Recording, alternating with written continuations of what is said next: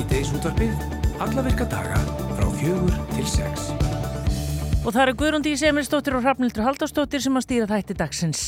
Í gær bárust fréttir af því að frá og með deginum í damunni sorpa hætta dreifingu brefboka undir matalefar í, í Veslunum og áfram geta íbúa sótt brefbokana endurgjast löst á endurvislustöðum sorpu og í Veslun góða hýrðisins. Og þetta er að segja að þessa fréttir hafa ekki hörð viðbröð og hefur fjöldi fóskert aðtöðsend við þetta og látið í ljós óánæju sína meðal annars á samfélagsmiðlum. Síðan að einleðing nýju flokkunarkerfisins hófst, það var íbúar höfuborgarsvæðisins og 24 miljónir póka sem að þetta döga höfuborgarsvæðinu öllu í 1,5 til 2 ár með að vera skipt síðan póka annan til þriða hver dag. En hvers vegna er þessi ákvörðin tekin og óttast menn ekki að hún muni vera til þess að fólk hætti að flokka lífrannan úrgang?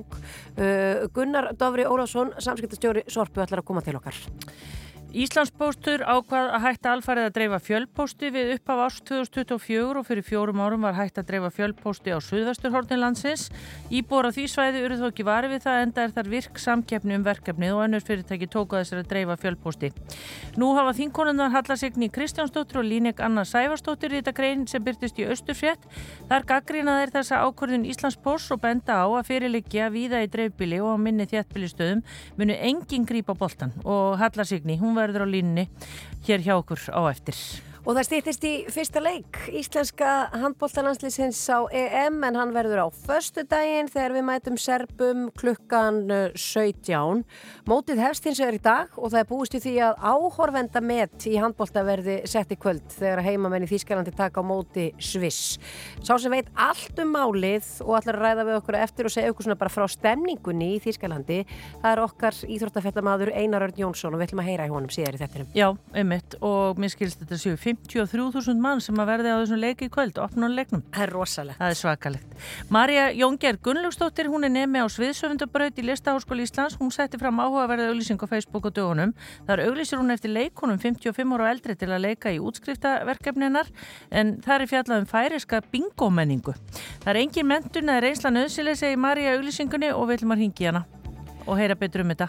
Og uh, margir náttúrulega það ekki verði upp á þess að breytu lífstíl við höfum aðeins að fjalla um þetta núna svona á fyrstu dögum ásins sumir fari áfengisbindindi, aðri byrji í ræktinni og margir reyna að vinna bug á sigulöngunni.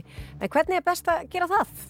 Hvað kemur í stæðan fyrir sigur og þar með orgu? Inga Kristjánsdóttir, hún er næringaferapisti og eitt af því sem hún fæst við er að hjálpa fólki að hætta bóra sigur og við heyrum í henni.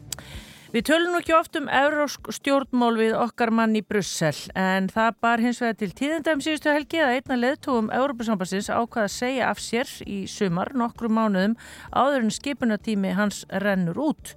Og uh, Björn Malmqvist hann er okkar maður í Brussel og við erum komin í samband við hann og ætlar að reyna útskýra þetta betur fyrir okkur er það ekki Björn, svona á mannamáli og oft er sagt. Á mannamáli, það er nú ekki Það er nú kannski ekki droslega einfalt að, að hérna, og sko, nánast ókleifur múr að alltaf fara að útskýra sko ennbætismannakerfið og, og svona valdastruktúrin hérna í Brussel og Europasambandinu á nokkrum mínútum. En ég skal gera heiðalega tilröðin, maðurinn heitir semst Charles Michel, hann er fyrirverandi fórsættisáttara Belgiu uh, og politíkustartið margra ára. Hann varð semst að það sem að heitir Fórseti leðtóðaráðs Európa-sambandsins uh, árið 2019 og það er svona klúpurinn sem að kemur saman hvaða á ári um það bil og ég hef nú oft verið að segja frettir af þessu sjónarpannu útvarpinu þegar þeir koma saman og taka miklar ákvarðanir. Hann er sérst formaður þessa klúps, uh, þannig að segja hann hefur svona hlutverkið að stjórna fundum, miðla málum, svona ferðastum millir höfuborga og, og, og sætta ólík sjónum með og Hann ákvaðast og tilkynnti það bara um helgina að hann ætlaði að verða þingmaður á Evrópaþinginu, bara óbreyttur þingmaður mögulega en kannski eitthvað annað. Það var nefnilega að kjósa til Evrópaþingsin sem er önnur af þessum svona aðalstofnunum sambandsins í, í júni og hann ætlaði að bjóða sig fram hérna í Belgíu. Þetta vakti talsverða aðtikli og, og bara næstu því hörð viðbröð að því að það eru alls konar svona gárur sem að byrja að myndast þegar maður í þessari stöðu ákveður að segja af sér. Já, en ég meina geta menn, er þetta bara einhvern veginn svolítið þeirra ákveður að gera slíkt? Já, greinilega, ég meina hann, sko, þú veist, ég veit ekki hvernig starfsamningur, hvort hann skrifaði undir einhvern samning eða eitthvað áleikið sem við gerum, sko, ég, ég varst nú reyndar um það, en hérna, en sko, það er svona, ég veit ekki, það er svona áhöld um það hversu verður hann hefur staðið sig og hversu svona virkur og, og gildur hann hefur svona gert sig í þessu embætti. E, sko, hann langar til þess að vera þingmaður aftur og komast í, í politík e, sko, en sko þetta þýðir hins vegar, og þetta er orðið svo flókið e, en sko afsögnin hans hún þýðir í rauninni að, að hérna að sko nú þurfa leðtóðarnir 27 að, að svona drífa sig að velja nýjan mann vegna þess að sko nú kemur að því að sko þjóðirnar sem að skipa Eurósamati 27, það skiptast á um að sinna formensku í þessu ráði. Þar að segja, ég, sko, þú veist, í leiðtóraðinu og sem er reyndar, þú veist, annað embætti heldur en þessi fórseti, formenskan þýðir svolítið að, að sko, það er, að þá eru embættismenn frá viðkomandi ríki sem að stjórna alls konar fundum embættismanna og ráð þeirra ekki leiðtóafundum heldur bara svona almennum fundum sem er í ráðinu nánast á hverjum degi sko. Og, og, og sjáum að svona uh, höndla mál aðaldaríkjana af sangitni og, og svona halda jafnvægi millið þeirra. Nún eru belgar í þessu hluturki sem er alveg gott að blessa, þeir eru fínir sko en í júni, rétt áður en að hann hættir, hann sjálfs mig sjálf, þá taka ungverjar við. Og ef þið hefðu eitthvað fylst með fréttum frá Európu og Úkrænu og til dæmis þá vitið þið það að ungverjar er ekki barnana bestir þegar það kemur að því að sko höndla með mál sem að varða Úkrænu að því að stjórnvöldar hafa svona soldið setið á gerðingunni hvað varða sko, stuðningu í Úkrænu, samskiptu við Pútín, þú veist, eh, sko þeirra Ungverjarlands, hann let nú mynda sig um daginn í Kína minni mig með Pútín og, og, og þú veist, þeirra var verið að kaupa þeim ólíu og, og hafa svolítið verið svona að, eiga að segja, svona ekki verið alveg að spila með þegar kemur að því að sko Európa-sambandið styrki hérna sko styrki úkrænumennum um, um, um vopn og, og hérna peninga. Og núna eru þeirra taka við forminska í þessu ráði í júni, í júli segi ég. Þannig að sko ef það er ekki búið að skipa eftir mann sjálfs með sjálf þá geti þessi Viktor Orbán fórsettis á þeirra ungverjarlands allt í hennu hoppað inn í það hlutverk og það held ég að hinn er 26 leðutóttin verði ekkert mjög ripnir af. Þannig að þessi ákvörðin Michelle hún hefur svona alls konar afleðingar sem að kannski gerir sem að kannski er ekki alveg fyrir síðar. Um, Er það einhverju nærum að það kerfi eða? Já, já, já, þetta? var, þetta var mjög mikið á mannamáli mitt, þetta var mjög gott. Já, já, já ok, það er gott að gera Þetta gæti bara haft töluverðar afleðingar þá ef, ef það verður ekki búið að finna þarna eftir mann. Já, og svo náttúrulega til að flækita ennþá frekar sko, og, eða svona, kannski ekki flækita en svona, svona svona, svona bæta annar í svona rukku í þetta þá er, þá er sko leitua, þá er auka leitua fundur núna eftir þrjár vikur hérna í Brussel. Þá ætlaði þeirra að koma saman þessi leituar 27, þar að meðal Orban og ætlaði hann að ná samkominnlegi um sko gríðarlega stóran peningapakka fjárhástöðunum til, til Úkrænu yfir næstu fjögur árin. Þetta er pakki upp á sko 50 miljardar evra. Ég hef ekki einu svona sko, heilar, sko, heilamagni að, að hérna, segja hvað það er í íslenskum. Mm. en það er ógeðslega mikið af peningum og, og hérna Orban nefnilega hann stoppaði þetta sko á, letuafundi sem var hérna haldinn bara rétt fyrir jól 15. Eh, til 16. desember þannig að það ágjera aðra tilröð núna eftir þrjár vikur og það er ekkert vís hvernig, hvernig Orban tekur í þetta og, og veist, allt þetta svona einhvern veginn mallar veist, á sama tíma og Michelle er bara hei, ég er bara hættur, ég ætla að fara í frambóð og ég nefnir ekki lengur og, og allir bara, herru, what? Eh, Þannig að það er allt í hérna- töluvert lausu lofti þannig Þetta er svolítið, þetta er svolítið, mm, svona fólki finnst þetta svolítið asnalegt að, að maður í þessari stöðu, ég menna fósitið leiðtóðarásins er alvöru staða og, og hefur talsverða vikt í þessu kerfi og svona kannski virka svolítið mikið í því ég mitt að svona, þú veist, svona smyrja hjólinn ef að svo má að orðið komast átt í sig, alls ekkert að að vísa í, í neitt sko ólögulegt, þetta er bara svona liðka til fyrir málum og alls konar. Og, og, og, og það skiptir máli að það sé góður maður í því ennbætti ég meina eins og ég sagði það er svona áhaldum það hversu góður Michelle var en hann hefur allavega verið þokkalögur og hérna og það að menn bara einhvern veginn hoppi út eh, finnst mörgum að svona, svona setja nýður aðeins virðingu ennbættisins eh, þannig að það er svona já það eru afskaplega mismunandi skoðanur á því uh, á þessari ákvörðun sem að Michelle tók um síðustu helgi. Já. En svo var heilmikill eldingaleikur í Pólandi í gerð. Herðu, það er nú annað sem er að gerast.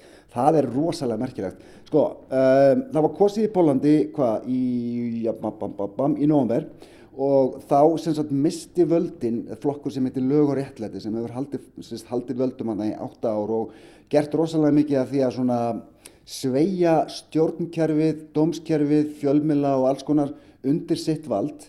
Uh, þeir mistu semst óvald sko völdin eh, eftir kostningarnar þar, þar, sko, þar sigraði hérna þar sigraði sagt, uh, flokkur sem heitir borgaravettvangur á samt minni flokkum og það er endar tengingu erúsambandið af því að leitói þessa flokks heitir Donald Tusk og hann var á undan Charles Michel uh, fósiti leitóðar ás Európa-samhansins mm. það tengist allt saman einhvern veginn en allavega þá, hérna, þá, þá tóku þeir við völdum í Pólandi núna miðjan desember og þeir hafa síðan þá sko verið að reyna svona að, að byrja að vinda ofan af öllu sem að lög og réttlæti fyrrum stjórnflokkurinn hefur gert. Það er að meðal að, að, að ná yfirráðum yfir, yfir ríkisjónvarpinu, þar sem var búið að skipa sko fullt af vinum sagt, þáverandi valdhafa uh, og reyna að vinda ofan af breytingum í dómskerfinu og allt þetta sem er alveg risastórt verkefni og kannski gengur ekkit vola svona til að byrja með. Uh, svo kemur að þessum tveimur þingmönnum sem voru handteknir í gerð. Þeir voru demdir sko í desember í, í tveggjára fangelsi fyrir afbrott sem þeir frömda árið 2007. Það er laungsaga og mjög flókin og ég ætla ekki að fara út í það. En þeir voru hins vegar náðaðir árið 2015 af fósættalandsins sem heitir Andrzej Duda og hefur verið fósætti síðan, já, 2014 ef mann rétt. Og hann er mikill vinnur sko þeirra sem að voru við völd áður þar að segja flokknum, flokksinn sem heitir sko lög og réttlæti. Og hann var, reyndar, hann var frambíðandi þegar í fórstíkostningunum þannig að hann svona stendur svolítið með þáverandi eða sérst fyrirverandi valdhöfum. Og hann náði þess að tvo menn árið 2015 og hérna og, og segi bara að svo náðun hafi bara verið góð og gild. Hæstir eftir Pólandsir eins og verið ekki sammála. Þannig að þeir voru demdir í desember í tveggjarafangelsi en sögðu bara, hei, skýt með þetta maður, dútaði bara að ná okkur og við erum líka þingmenn, þeir náðu sko kjöri í, í, í nógumber, við erum líka þingmenn þannig að þið getið eitt snert okkur. Herðu, svo kemur náttúrulega fósettið þingsins sem er úr nýja flokknum borgaravættóngi og sviftir það á þingi, sko helgi, þannig að það má handtaka þá. Herðu, þá mætir löggan til þeirra í gerðmorgun heim til þeirra, þá eru þeir hornir og hvað eru þeir? Jú, þeir byrtast í Twitter-fæslu hjá Dúta fósetta í fósettahöllinni í gær, þannig að löggan vissi alveg hvað þeir voru, sko svo bara, svo mæti löggan í fósettahöllina, ímyndið ykkur að sé einhverjir tveir gauðir sem eru bara mættir á bestastæði og segja bara nei, við erum með hjá fórsetanum, þið getur ekki snert okkur. Já. en sko löggan segja bara nei, sorry, við erum að fara að handækja ykkur. Þið mæti bara og þeir eru dregnur fórsetahöllinni að, að, að viðstöndum einhverjum okkur hundru mótbælendum sem eru komin að hungað og, og svo eru þeir bara konur upp á löggastöð og konur í fangjasi og það er allt vittlust og hérna og þetta er bara svona partur af allir þessari valdabaráttu sem er í Pólandi núna um, já, valdabaráttu, svona baráttu milli fyrverandi valdhafa og núverandi valdhafa því að það er, sko, það er, sko, þú veist, að segja að það sé óvinnskapur er einlega, sko, þú veist, hvað heitir þetta á íslensku, understatement of the year, sko, það er já. bara, það er, það er, það er lítið sagt, sko, Akkurat. að hérna, það er, það er einlega, það er einlega allt vittlust þannig séð, svona politist í, í, í Pólandi og hérna þetta er líka hluti af, það voru mikla deilur um daginn, það var mótmælast það að fyrirverandi stjórnvalda við, við sjónvastöðuna þar sem að, að, sem að stóð til að reyka einhverja fréttastjóra og fréttamenn sem að, sem að voru einlega bara svona málpípur sko, þáverandi valdhafa. Og það er, veist, það, það er svona uh, áhugaverðir tímar eins og einhver sagði einhver tíman Já, það verður alveg hægt að fylgjast með þessu áfram í Pólandi, þetta er ótrúlegt að vera í fósitahöllinni og, og, og bara senda á Twitter og já, já. þetta er alveg vittlisir gangur. En Björn, heyri ég, heyri ég skrjáfið í dúnúlpunni hjá þér, er skýt kallt aðna? Herðu, það er bara búið að vera kuldakast hérna, ég meina, að kuldakast svona þannig séð, veist, það er einhverja kannski 30, 40, 5, 60 frost hérna á nóttunni og já, skýt kallt sko, ég meina húsin eru sjálfsög ekki eins vel einangruð og maður þarf aðeins að kynnti í opnunum og þá fyrir maður að ágjör af orkureikningnum og, en það er bara, já það er skýtkalt hérna og mun kaldara heldur en heima, ég held að sé hvað 7-8 steg hitt í Reykjavík, það er, ég held ég mínus 2-3 ár hér núna og ferurglænir í 6 í nótt þá aðeins að hlýna um helgina og það verður komið þetta klassíska vetraveður eftir í næstu viku. Tvær gráður og regning elskaða, elskaða. Um, já, við trúum því. En hérna Björn, ætlar að lega okkur að heyra fagra tóna svona í lokin? Herði, ég ætla að geima það þá til næstra af því að ég náði ekki í, í, hérna, í hljóði sem ég var búin að lofa þér. Já. en í næstu viku þá bóða ég ykkur fagnæðarerindi, það var semst eldri maður sem ég virti fyrir mér á lestastöðunni hérna nýri í Brussel í síðustu, eða fyrir nokkru vikum síðan þar sem hann var að spila alveg dásamlega fallett lag á fylguna sína og þykja pening fyrir, það er mikið um það hérna í Brussel og, og hérna ég ætla að spila þetta fyrir ykkur næstu. Ó, þá getum við látið okkur laka til. Já, við lákum til. Björn, við bara byggjum fyrir kærar kveðjur til Brussel og, og þú hlýjar þér. Ég gerði það. Bless, bless. Bless, bless. Á nýju ári ætla ég að skriður minni skell og ef að lífið erfitt er ég nota þennan fyrsta hér. Ég ætla að gera eitthvað sem að ég hef aldrei áður gert og prófa eitthvað alveg nýtt í það er alveg tölverð. Ég ætla kannski að fá mér pilsu með rjóma og sti og hætta að elska hitan læra að lifi frosti. Og kannski líka hlusta meira á munnhörpu spil, ég geri það sem ég vil. Við erum komandi kynnslóðir, nú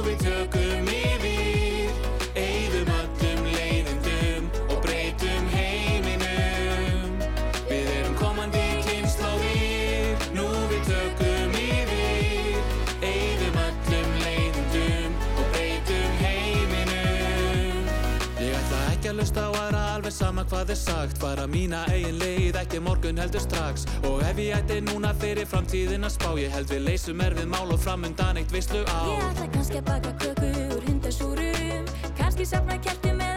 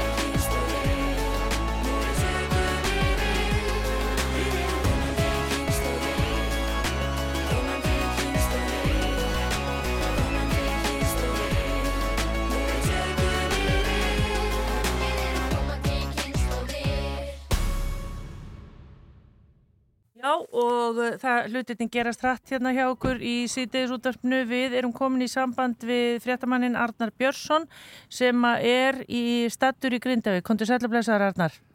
Já, komið sæl. Uh, já, líkt og sagt var frá í fréttum uh, í morgun þá er, er verið að leita að manni sem að fjall ofan í sprungu í Grindavík og hvað getur þú sagt okkur bara svona um uh, það sem að ber þér fyrir sjónir þarna? Það er í sjálfu sér ákvæmlega lítið hægt að segja svo stöddu. Þetta er auðvitað erfitt mál og, og bæði lauruglu og björgunarsöndamenn vilja ekki að við séum að fara með eitthvað í loftið og ég ætla að virði það sjálfsögðu. En það er alveg ljóst að hér er mikill viðbúnaður, hér eru, eru gröfur, hér eru sjúkrabílar, hér eru björgunarsöndabílar og uh, núna er verið að taka stóra gröf, búa til stóra hólu hér svona kannski 25 metra frá, frá uh, sprungu opinu þar sem að var tjaldað yfir og menn býða átekta og ég hef það svona á tilfinningunni að menn ætla að reyna að, að, að síga þetta niður í, í sprunguna.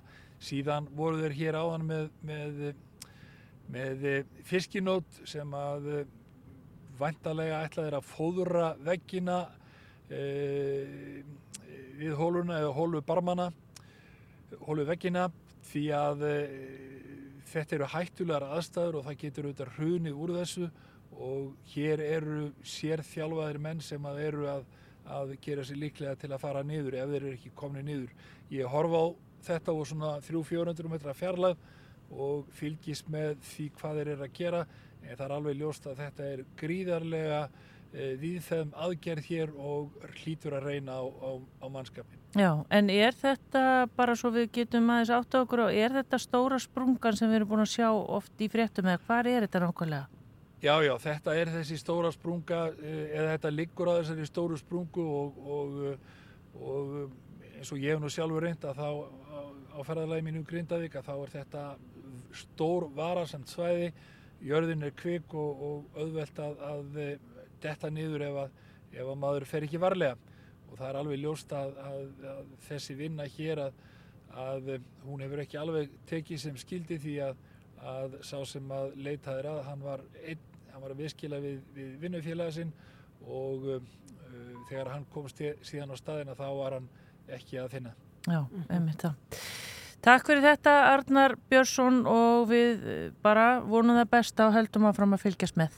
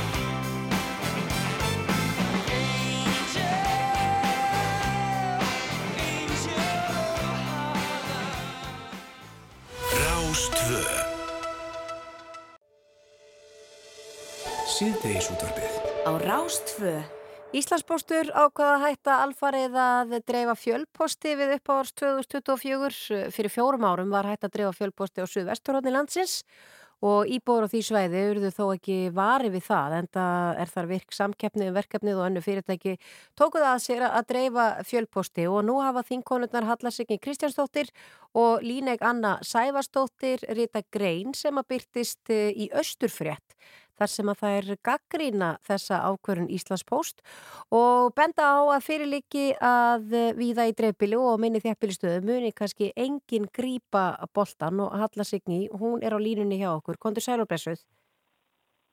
Sælublessuð. Já, þið óttist það að... Mér lákar kannski til þess að, hérna, mér lákar aðeins til þess að misnóta aðstöðu mín að mér lákar til að senda hlýjar hvaðu til Grindavíkur í þessu ástandi sem er það núna við hugur okkar er allur, allur þar í þessa stundina. Þessar aðstæðir hafnari eru alls konar og ég held að við ættum að hugsa öll lít til þeirra. Mm -hmm. En hvað var þar Íslands post? Já. Já. E, við skrifum greina, grein í hérna vísu og fleiri e, miðla á landsbyðinni e, vegna þeirra ákverðunar Íslands post að hætta að dreifa fjölposti núna í upphæfi ást 2024 Það var reynda fyrir fjórum árum, þá var hægt að dreifa hérna, þá hætti pósturinn að dreifa fjölpósti hér á Suðvesturhóttinu. En það voru náttúrulega e, enga fyrirtæki sem tóku yfir og, og dreifðu þessu, semst að við örðum ekki varfið að þeir sem eru hér á þessu svæði. En þegar við komum á landsbyðina þá erum við að hugsa til svona eins og, e, eins og austuglöggans e, fyrir austan og það er hérna Það er náttúrulega eins og til dæmis bara það þjónusta sem þetta veitir, við, kannski, þú getur kannski spurt, eru þið ekki búin að frétta af internetinu? Mm. En það er ekki það, heldur er það sem sagt eh, þessi fjölmýra, minni fjölmýra út á landsbyðinu sem að nýt, hafa nýtt sér hérna fjölpóstinn til þess að dreifa og það er kannski ekki bara þessi minni fjölmýra heldur eins og bændablaðið sem að hérna hefur nýtt sér þetta e, til þess að dreifa blaðinu í dreifbilið og það eru, sko, ég veit að það er svona við þessar eh, ákvörðum þurfa þeir að þá senda þetta á nafn og það þýðir svona 300% hækkun á dreifingu blaðsins sem að skiptir það mjög miklu máli og, og þeir eru að tala um það hérna í Daskráni á Ístulandi sem að hér er sprett e, dreifir að þetta er um 600% hækkun á dreifingu á þessum fjölmiðli.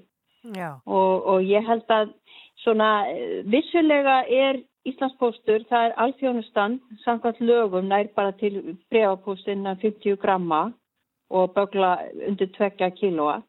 En hvað er alþjónusta ef að pósturinn allar að bara halda sig við það? E, þá getum við talað um að, að hérna, já, ég held að þetta komi niður á svona landsbyðinu þar sem ekki er markasvæði e, sem hægt er að nýta sér slíkt e, dreifbílið og svo kannski svona, svona samfélag sem er undir þúsund manns. Já, en kannski sko líka áhugavert að það er hvað sem er verið að fara á þessa staði með eitthvað post þannig að ferðin verður farið hvort sem það er eitt bref eða tíu.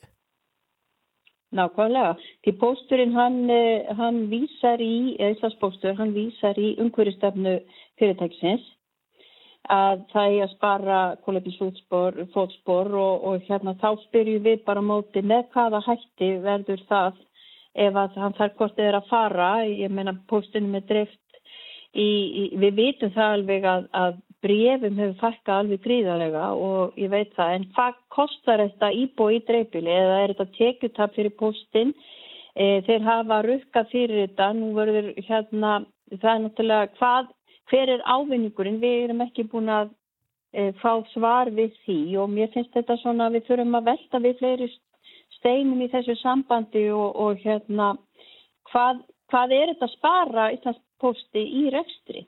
Já. Og eins líka sko við getum alveg rekna á hvað þetta þýðir í tjónsinskerningu fyrir hérna dreifðu byggður sko. Þið talið um það eitt að slára um Íslandsbósi að dreifum gleðinni og að hlutverkan sé að tengja fólk, mm -hmm. fyrirtæki og, og, og samfélög en, en þið óttist að já, hann sé algjörlega að hætta að dreifa gleðinni þetta? Ja, kannski ekki að, allir leiti en, en í þessu tilviti við, við erum nú til dæmis bara það, við erum kostningaglöð þjóð við erum að fara í kostningar á þessu ári og, og síðan eru alþingiskostningar og svo er sveitarstjórnarkostningar og, og það er til dæmis þessi blöðungar sem hafa farið út í þessu. Þetta eru upplýsingar sem hefur verið að dreifa til fólks og það er ekkert alltaf hægt að dreifa öllu inn á netinu eða á opnu fundum, það, þeim hefur fækkað. En vissulega er margt komið inn á internetið en, en þetta er bara svona mikilvægur upplýsingar sem oft er verið að senda og, og síðan er bara, er mikilvægt að dreifa bæði gleðinni, upplýsingum og fréttum og allavegna hef ég, það hef verið haft töluvert samband við mig af landsbyðinni, af þessum litlu miðlum sem eru virkilega að, hérna, að svara þessari, þessu, uh, þessari eftirspurn en veit ekki hvort að þeir sjáu sér fært um að halda því áfram út af þessari ákvöðin. Já. Og hvað sjáu þið fyrir ykkur með framhaldið? Haldið að þetta verði endur skoð hjá Íslandspósti eða, eða vonist þið bara til að einhverjir taki það að sér að dreifa þessu í minni byggðum? Já, það má kannski segja í- sko ríkið á Íslandspost það er ofinbært hlutafélag. Í Noregi er fjölmiðla, eh, dreifing fjölmiðla innan laga um aldreifingu. Ætlum við að fara að þanga, getum við leist þetta einhvern veginn öðruvísi, en allavega þar held ég að Íslandspostu þurfi kannski svona að, að skýra það hvað það kostið á í hvað rekstralegu tilliti, tilliti og umhverfislega séð. Eh, hvernig er svo hægt að koma á móts við það? Til þess að við getum svo bara sagt hvað, hver er hérna, ja, hvernig getum við gripið þetta til þess að þetta, þessi dreifing hætti ekki? Því að ég veit að það er til dæmis verið að e, íþróttafélög og slík er að taka að sér innan svona e, bæjamarka að dreifa svona fjölpósti. En það er allt annað þegar kemur á dreifbílinu og þá, þá er ekki því að dreifa og við verðum að finna svona eitthvað svona jafnvægisgrundið lásu til þess að jafnræði haldist um allt land. Því að pósturinn hefur náttúrulega, hann var stopnar og 1700 og eitthvað til þess að dreifa pósti hvar sem hann býrð og það er eitt af markmiðum lagana en, en hérna og þetta er svona kannski þetta er það sem við viljum kannski geta fallið niður og ég held að fólk finni það eða þannig að ég bý í drippilinu og ég fæ ekki lengur bætablaði til mín mér finnst það ekki nóg gott sko Halla Signi Geistansjóttir, við fylgjast áfram með þessu máli. Takk fyrir. Takk fyrir hafa saman, góða dag Þú ert að hlusta Á síðdeis útvarpið á Rás 2.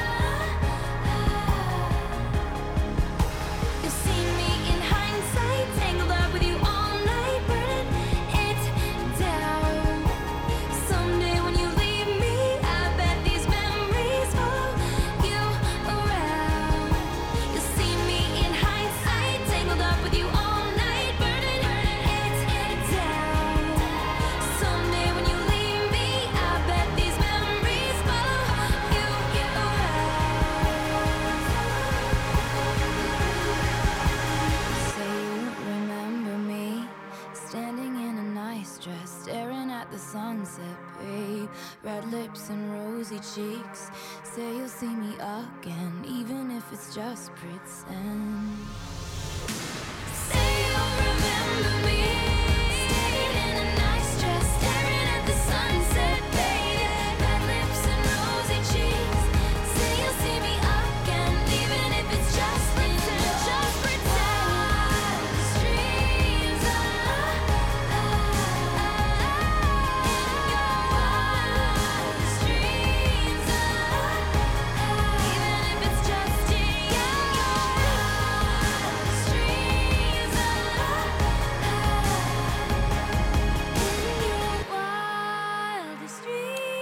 Taylor Swift og lag sem að heitir Wildest Dreams. Uh, Hrafnildur, við vorum nú aðeins að ræða sorpmál hér í þessum þætti í gær. Já, vorum aðeins að tala um bara þessar fullu hérna Ruslatunnur. ruslatunnur og geimslur og það fyrir allt svolítið óefni, fólk missir þá bara svolítið áhugan og, og er búið kannski standa sig vel en þegar allt er í sérstaklega og byrjið fjölpilshúsi, bara ef geimslan er alveg full og þá einhvern veginn ennur ekki lengur að gera þetta rétt, en það stendur nú allt í bóta og hann Hérna Guðmundur sem við töluðum við í gær, hann vildi nú meina að það er búið að vera bæði bilaði bílar, það var auðvitað eh, svo hálkan og allt þetta fyrir jólin eða kringum áramótin, jóla áramót, en þetta stendur allt til bóta og svona það er verið að reyna að vanda sig og hann takkaði bara fyrir þólimaðina Já. hjá Íbúður Reykjavík. Já, já, við erum mjög þólum og sem búum í Já, Reykjavík. en við erum kannski ekki alveg þólimáð með næsta mál, að við getum ekki bara seilst í brefpókana í maturubúðinni. Nei, það bárust fréttir í gæra frá með deginum í dag. Það myndi sorpa hætta dreifingu á þessum brevpókum sem að hafa leigið fyrir í maturverslunum uh, og að áfram getu íbúar sótt brevpókana endurgjaldslust á endurgjaldslust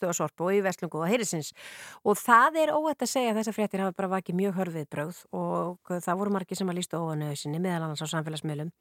Og uh, við ákváðum að fá hann Gunnar Dófra Ólason, sanskiptastjóra sorpuðinga til okkar, bara til þess að svara þeirri spurningu hvers vegna eru það þessu? Það er við eigandi þá spilir hérna Wildest Dreams með Taylor Swift áður en við sendumst hérna niður af því að í okkar, okkar viltustu áætlunum þá gerðum við ekki ráð fyrir að það yrði svona mikil eftirspurn eftir pókum. Við höfðum farið yfir þetta með nákvæmna þjóðum í, í Skandinavíu sem að hafa sett svona á fót og bara gert þessa breytingu. Og þar hefur hefur útflæði eða eftirspurn eftir pókum eh, þar sem þeim er dreift með sambærilegum hætti, svona aðgengilegum í vestunum þar hefur ekki orðið svona, svona hálfpartin áhlaup eins og við sáum. Af því að við, eins og, eins og hefur nú komið fram við erum búin að dreifa 24 miljónum póka á svona 7 mánuðum. Og það er það eru pókar í 1,5 til 2 ár með að við það þú skiptir um póka annarkveð dag fyrir öll heimili bara á höfuborgarsvæðinu En eru við þá að henda meira ruslega nágrannu þjóðunar? Mig grunar að fólk liggi á töluvert af pókum og við sáum það líka í, í þjóðarpúlsi Gallup að, að helmingur íbúið höfuborgarsvæðisins hefur tekið hérna dágóðan slatta og það er fullkomlega eðlilegt að- að eiga eitt eða tvö svona 80 pókabúnt og maður gerir sér kannski ekki grein fyrir því hvað þetta er mikið af pókum í einu svona búnti. Það dugar þér í 160 daga eða úr með stórt heimili Eh, en, en bara mjög stór hluti íbúið höfuborgarsvæðisins, hann tók töluverðan fjölda af, af þessum pókum og við, eh, við þurftum þá í rauninni að, að breyðast við.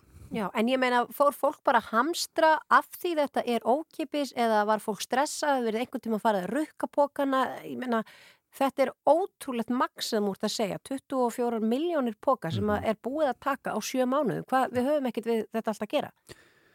Nei, þetta, eins og ég segi, þetta hefði, hefði átt að duga og, og mun duga þessu hérna, fólki í tvö ár að verða. Þannig en ég get í sjálf sér ekki, ekki gert mig grein fyrir því hvað það er sem að fær fólk til, a, til að sækja svona mikið í þetta. En þetta er kannski svona, það má líta á þetta á einhvern hátt sem bara mjög, mjög, mjög mikla stöðningsyfirlýsingu við verkefnið. Því að fólk ætla sér að flokka matarleifar alveg bara mjög lengi og mjög vel og við sjáum það að, að á þessu, í þessu breytingaverkefni sem er, maður gerir sér ekki alveg grein fyrir því fyrir maður kannski svona horfir aðeins í baksinspeilin þetta er risavaksi breytingaverkefni. Það er verið að breyta því hvernig fólk heiða sér heima hjá sér og fólk hefur bara gert það rosalega vel. Við sjáum þegar við förum í gegnum ruslið matarleifarnar að það er 98% hreint sem að bara er betra heldur en við hefum nokkuð tíma að geta vonað 98% af því sem fólk hendir á að fara, er að fara í réttan farfi Já. en við sjáum samt líka að helmingurinn af því sem að það er ennþá svona cirka helmingur eftir af matarleifum í tunnunni fyrir blandarusl þannig að við erum hegðunabreitingin er ekki alveg komin þó svo að hún sé komin bara víðast hvar og hjá flestum alveg öruglega. Já, og er það flokkað eitthvað nánar, hvað er það úr fjölbýlishúsum, e, eða þú veist, getið eitthvað séð það, hvaðan það er svona minna flokkað eitthvað, nei? Þetta er flokkað eftir sveitarfélögum og Já. postnúmerum. Þannig að ég held að það sé eins, eins djúft niður í þetta og við förum. Já, Þannig að við sjáum það. Já, en nú spyr ég sko, eh, er hægt að nota brefpóki eða brefpóki? Já. Og ef hann er bara þessi brúni, mm er, er, má maður nota hann Já, til dæmis? það er bara bestamál. Já. Pókarnir sem þú kaupir í vestlunum og eru, eru brúnir bara við kassan, þeir, þeir eru fínir. Já. Kosturinn við pókarna sem hefur verið dreift hjá okkur og verður auðvitað áfram dreift á endurumviltustöðum og í góða heyrðinum. Þannig að ef fólk er búið með pókarna, þá getur það komið og sótt á þanga til okkar. En þessir hefbundnu innkaupapókar, þeir brotna alveg jafn vel niður í fer, jar, jarðgerðarferlinu hjá okkur. En ég veit ekki hversu vel þeir þóla vökva. Við höfum bara ekki prófað. Já, þannig að þeir gætu þá dugað uh, af því að, sko mér finnst það sem að þetta er með að fólk þurfa að sækja þetta sjálft, það er meira vesen, væntarlega. Mhm. Óttist þið ekkit að fólk muni þá verða lagt til þess að því að það er ekkit allir sem hafa kost á því að Uh, eru kannski ekki á bíl og, og svo Mhm. framvegis eða verður þetta, komið til móts við þetta fólk með einhverjum hætti? Sko, Þetta, við bindum vonið við það að verslanir muni í rauninni taka keflið með okkur líka og, og fari að dreifa sem sagt í rauninni bara selja póka og, og hérna pókum verði þannig að þannig verði pókar aðgengilegir í nærumkörfi líka en verði áfram aðgengilegir á, á stöð, stöðum hjá sorpu þannig að þetta ætti ekki að vera meiri háttar vandamál fyrir utan að pókar sko miðan við það hvað er mikið á pókum þarna úti í samfélaginu þá ætti, þá, þá vonar maður að það sé ekki margir sem eru algjörlega orðnir, orðnir ren í rauninni Mm. þannig að þetta, þetta ætti ekki að vera meiri háttar vandamál. Nei, en sko, eh, hérna, því ég spurði um brefpóka svona venjulega, en hvað Mhm. með þessa mægispóka og svona, má það ekki? Nei, þá viljum við ekki fá. Þeir brotna ekki nógu vel niður í ferlinu hjá okkur og, og í rauninni mælast bara sem plastagnir í moltunni sem að mun koma frá gæju núna á vormánuðum og við sjáum fram á að fólk geti komið og sótt sér bara með kerruna sína til okkar og náð sér í moltu sem er bara fín í beðin hjá fólki Já. og þá getur þá, hérna, hvað, hvað maður að segja, saminast ruslinu sínu aftur þegar búið er að, eh, búið er að vinna það og, og, og komist aftur, komist inn í ringarásun aftur og nýtt hann upp á nýtt. Sko, ég verða að nefna það við ykkurnar, við sáum myndin á rúf Mhm. mm sem að byrtist þar bara í hádeginu af pókastæðum sem að, þið, þetta er aðsend mynd sem að þið voru með í ykkar fórum eða fréttastofa, ég veit ekki hvort. Uh, og þarna er einhver búin að sapna það mörgum pókum að sér að það er komið heilt fjall. Mm þetta er náttúrulega er bara hálf grát broslegt Þetta er, þetta er, þetta er sérstakt. Það, það er ekki hægt að segja hana og, og svona með, þegar maður horfir á myndina þá, þá getur maður svona giskað á þarna séu pokar sem muni duga í halva öld. Já, Já. ég meina ef að þið reiknið, er þið búin að reikna það út hvað eru cirka bátt margir pókar á þessari mynd Svo og, tæplega 7000 myndi ég skjóta á. sem að, og, og hvers virði eru þessi pókar, hvað kostaði að framlega þá? Uh, Það kostaði okkur í innkaupum um það byrj 10 krónur hver póki. Þannig að þetta eru, þetta eru fjármjörnir. Já, en byrju fenguðu bara að senda mynd frá einhverjum sem sagði, ha ha ha, ég náði þessum. Við fengum þessa bara úr, úr okkar, okkar nærum hverfi í rauninni. Það, ég, hef ekki hugmynd um hverju þetta er. Ég segi bara að- einhverjum nú með stóra geimslu, geta geimt alla þessa póka. En eigum við ekki að reyna að tala við þá sem tóku ofmarga póka og hafa ekki bara eiginlega tök næstu árin að nýta þá, að bara skila þeim aftur í búðunar. Það væri ekki, ekki villust og ef fólk er leið í góða hyrðin eða endur villustuða þá tökum við, tökum við gjarnan við þessu. Já, En, en eitt í viðbót, Gunnar, af því að þið talið um að maður er að koma þarna og sækja sér póka Mhm. uh, og svo verði þetta mögulega í, bóði í vestlunum, vonandi þá á sangjörnverði Mhm. og, og allt svo leiðis. Uh, verður einhver takmark á því hversu marga póka þú mátt taka? Eh, Segjum að hrafnildur ætla að rúlla sér, rúlla sér í sorpa og eftir. Uh, Verður ekki að vera einhver sem passar upp á hvað hann tegur marga póka? Jú, pók, og pókunum verður uh, starfsfólk okkar mun afhenda það pókana. Þannig að þú gefur þið fram við, við starfsfólk sorpu og góða hyrðisinn sem er starfsfólk sorpu Já. og óskar eftir að fá póka og þá færðu eitt punkt af pókum. já, Já, já. ekki taka fimm. Nei, ég meina Ég, þetta. bara, ég, er- ég, er- ég er einhvern veginn að átta mig á þessu, ætla ykkur að ætla að nota þetta í, inn, í bara veggklæðningu Ég eða, veit það ekki. mér finnst þetta svo magna. En, en tölutna, þeir töluðu um 240 miljónir sem þeir eru búin að, eða búin að eyða í pókan og Já. þegar. Og hvað reikniði með að eyða núna á ári eftir þetta þegar að það er búið að sapnast upp svona byrðir og... Við erum með útbóði í undirbúningi á, á fleiri pókum og við erum ekki alveg búin að lenda á því hvaða tala það verður út frá því hversu, hérna, hversu fljótar verslanir verða að koma inn með dreifingu.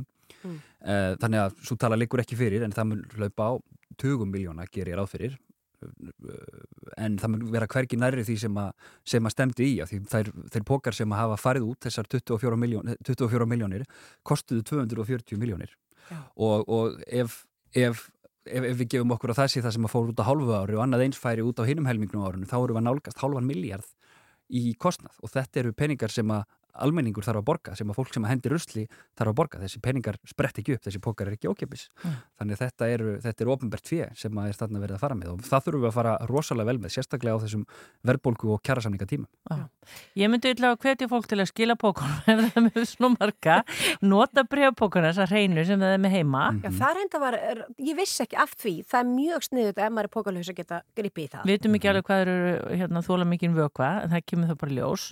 en hérna, og alls ekki nota mægispókuna Bara takk fyrir að koma Gunnar Dafur Jólasson, samkvæmstjóri hjá Sorpu og útskýra þetta mál fyrir okkur. Og vonandi eru ekki jafn margir mjög reyðir út af þessu þarna í samfélaginu núna. I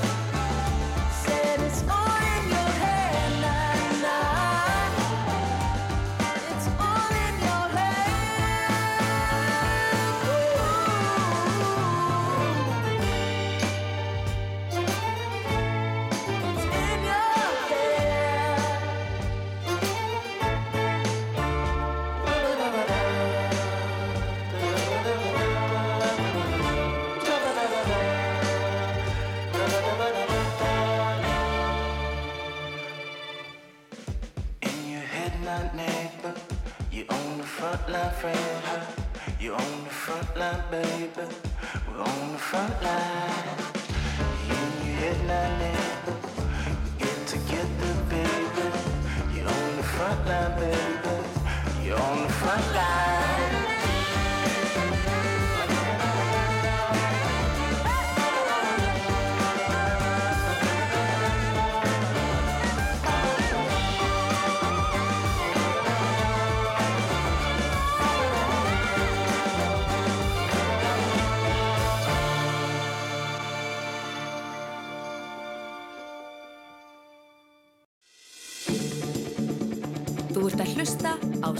Síðdeis útvarpið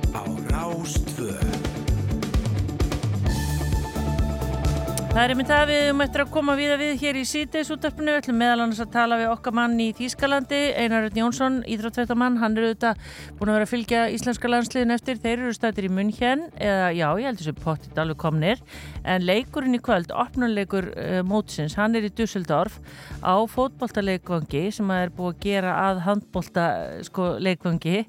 Og það er spáðað að vera í slegið heimsmet í kvöld, 53.000 áhörundur fyrir nú utan alltaf hína sem eru að horfa í sjónvarpinu. Pælt í stemningunni Hrafnildur. Vá, ég vona við lendum á móti þjóðverum í úrslítaleik. Það væri rosa gaman.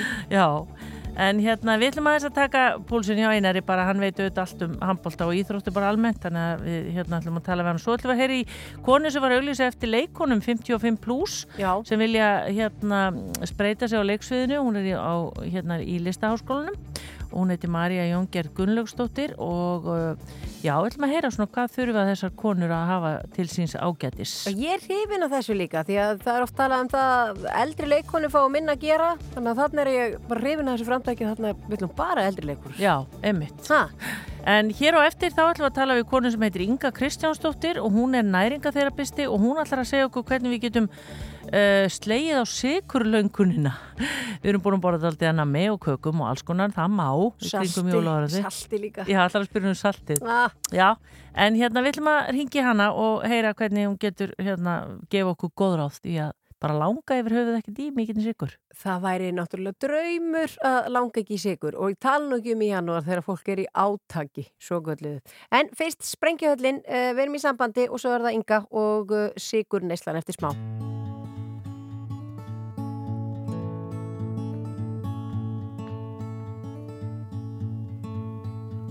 Þjætt mér við hlið sitjur heiða en við höfum ei meira að segja. Við höfum þansið að við sitjum í byð Yfir sorgum er best að þegja.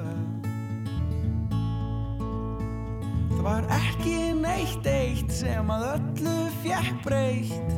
Ekkert sem hægt er að telja Þykir mér það víst leitt en allt sem ég get veitt er víst til að hana kvelja Og nú falla trjánum blöð og þau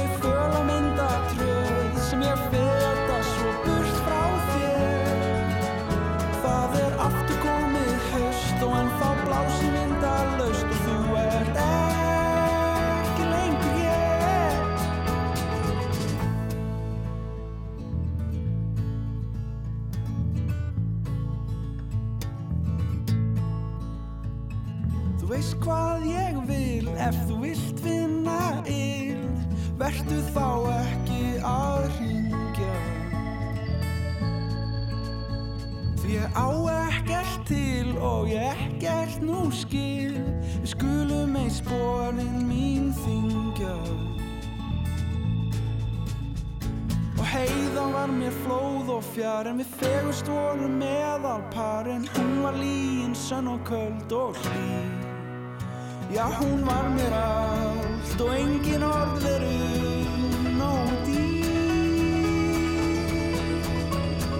Þó er eitt sem er vel og það aldrei ég fel og enginn því frá mér stelur. Ég á frjálstugar þel og þar minningu er og ákveðin stúlka þar falla trjánum blöð og þau föla mynda tröð sem ég feta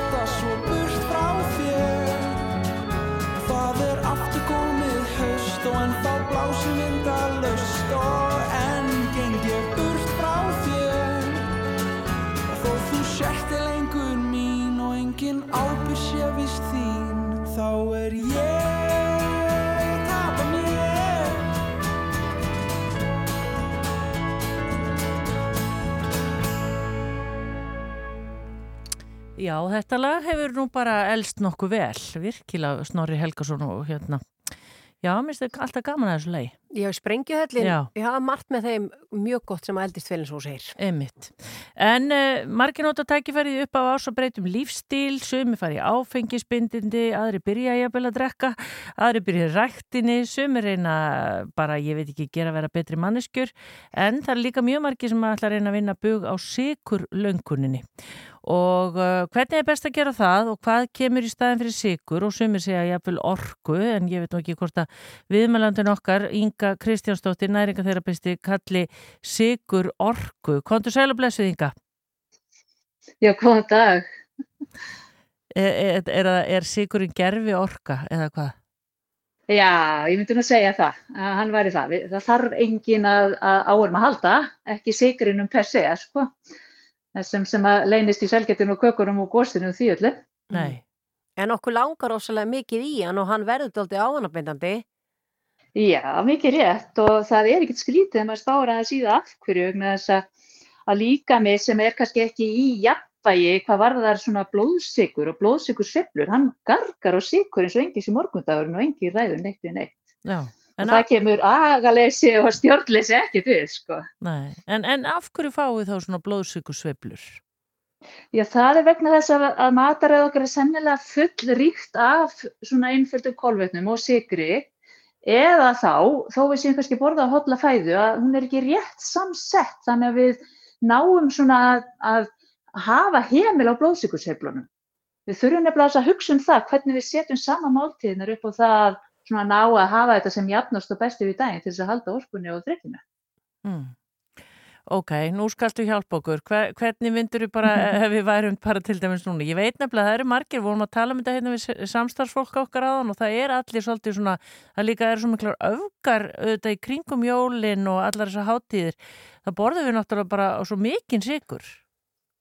Já, við eigum það svolítið til og, og það þekkja það flestir að hafa lendi í, í sigurkarinu, sko. Það er bara voðalega mannlegt og eðlilegt, en það er líka bara gott aft að sjá því að það er ekkit svo ríkala flóki að koma sér út úr því og svona með ákveðnum hugsanahætti og breytingum þá þarf það ekki að vera svo átakamikið nefnilega.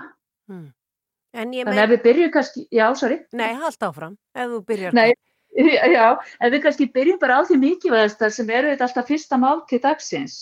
Það er hún sem setur tónin fyrir allan daginn og, og rannsóknir sína það að, að hún hefur alveg áhrif langt fram eftir degi og fram á kvöld.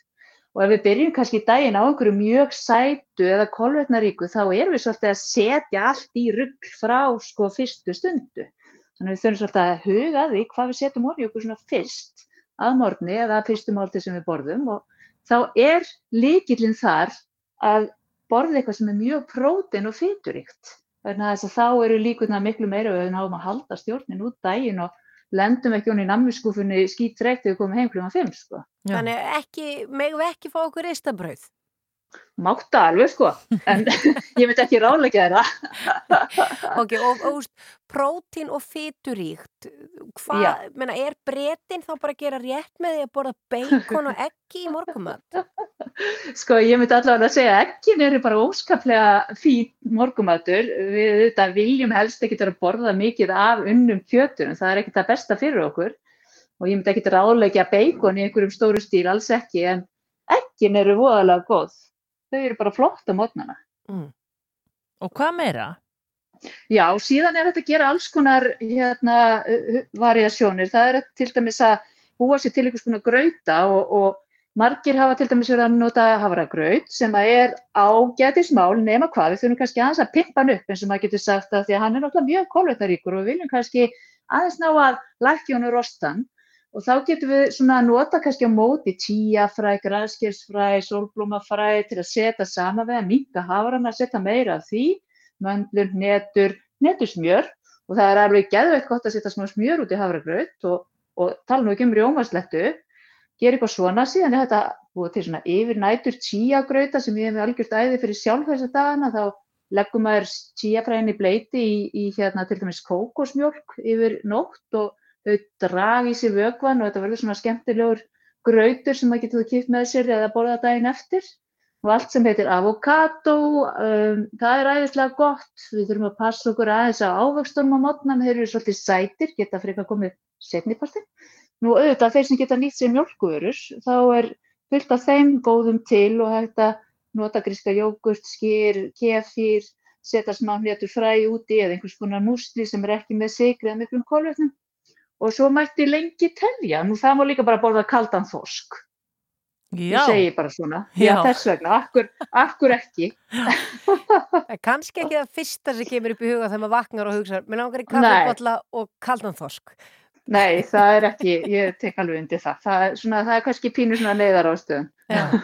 Þannig að þarna erum við búin að leggja kannski svona tónin að því að halda sem sagt, þessum blóðsigri og sveifluna verði ekki svona uh, miklar og eigum við svo Mhm. bara einhvern veginn að, að trappa okkur, ég meina hvenar myndi ynga mæla með að við borðum til dæmis bara aðalmált í dagsins?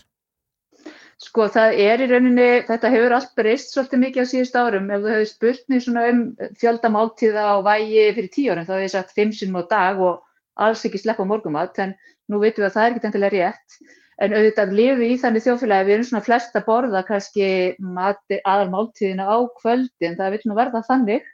En það er auðvitað voru gott að hafa hátið svolítið vel samsett og við höldum svolítið áfram á sömu vegferði í hátíðinu og á modnana að vera með fókusin svolítið mikið á próteinið og þá grænmetið, reyna að auka það í hátíðinu, það er mjög gott og, og það er svolítið skondi að fólk segir oft um mig, veitu á ég vera að borða heitan mat tvísar á dag? Já, já, okkur ekki, það skiptir einhver máli hvort hann er heitur og kaldur, það er allt í lagi, ef hann er bara vel samsettur þá er það bara því besta mál, það er miklu betra heldur en að fara í samlokuna eða, eða eitthvað svoleiðis, Mm. þannig að, já.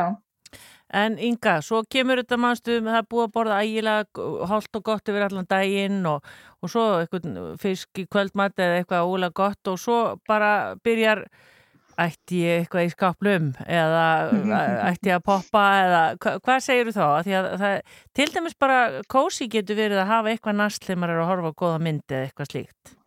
Já, nákvæmlega og sko líkunar á því að maður missi stjórn á þessu þarna á, á kvöldin minka stórkostlega eftir því sem þú ert með betur samsettan máltíðir yfir daginn að þá er allavega ekki líka minna stríða þér eins mikið.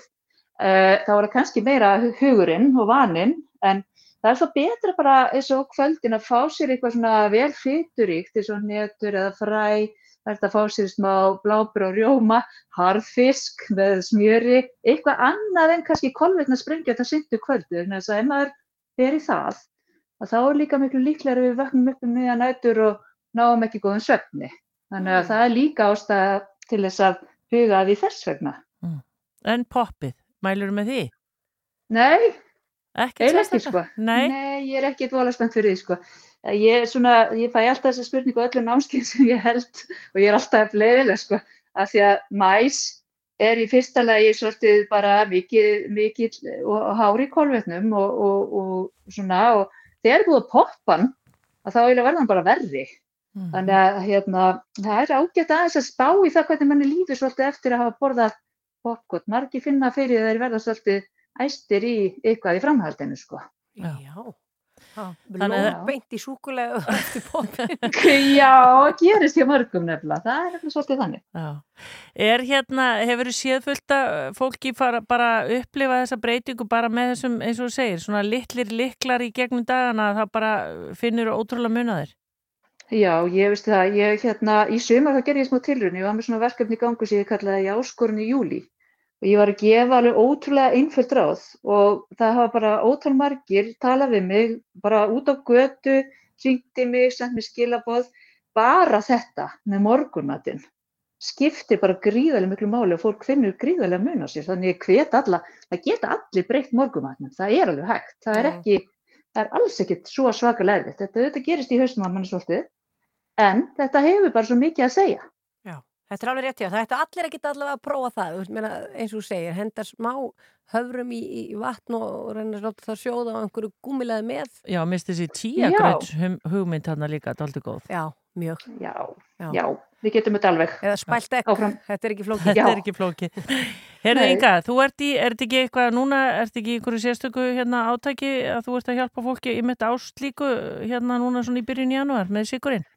Jú, ég er alltaf með námskeið mánaðarlega sko og hérna og ég mitt ætla að keira eitt í áskorunarkvöld núna í, í janúar sem að hérna með henni Gurri þjálfara vinkunum minni.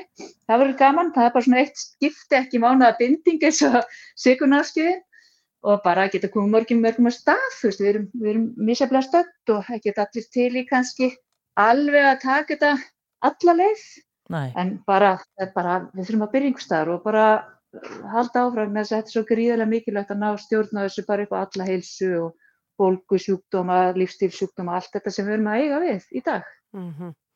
Inga, þetta var mjög svo, uh, já, bara upplýsandi samtal og uh, við munum reyna að verða betri manneskjur og byrjum strax á morgun, Rafnildur. Algjörlega og þeir sem voru að hlusta núna Inga, er ekki allt gott að frétta? Þú byrjið í Colorado og ert með sem sagt annarfótun á Íslandi en hvað er að frétta? Hvað er, er heitt hjá þér núna eða kalt eða hvað? Það er allt gott að frétta. Ég var einmitt að leita á föðurlandinu. Það er stóð hérna 25-30 stíð á frostum helgin, ég legg ekki mér að þig. Yeah. 25-30 stig? Já, það verður ansi kallt hérna, en það er þurrt og þetta er svona þurrkuldi og, og yfirleitt ekki mjög kvast í kuldanum, þannig að Stilla. þetta er nú svona, já, yfirleitt stilla með svona miklum kulda, en það verður skýtkallt hérna, alveg. Er já, já. er það ekki bara að fara á skýði? Jú, ég er reyndar ekki þar, ég hérna eh, bara vildi óska þess, en, en ég er ekki þar, en ég er svona að reyna að vera í fjallgöngunum frekar, það er, það er mitt sport. Já, einmitt það. Gangið vel, Inga Kristjánsdóttir, næringatherapisti, takk kærlega fyrir þessi hollur áð. Takk fyrir, Já. gangi ykkur vel líka. Takk fyrir, bless, bless. Rástfö Fyrst og fremst í 40 ár. Make it feel like it's a 1960s Hollywood trailer. Classic like cars, classic like Elizabeth Taylor. Uh, Need you to romance me, I need a give and not a take. What I need is cause I could love you if I really wanted to. You could be, be my glass of wine. Sunset, exhale, my exes. Baby, baby, baby, baby, baby, would you? Would you make it alright? Or maybe that much better. If you wanted, you could make it all worth it, worth it, worth it, worth it. Ooh, I see the sunrise with you, make it that much better. So I hope you're gonna make it all worth it, worth it, worth it.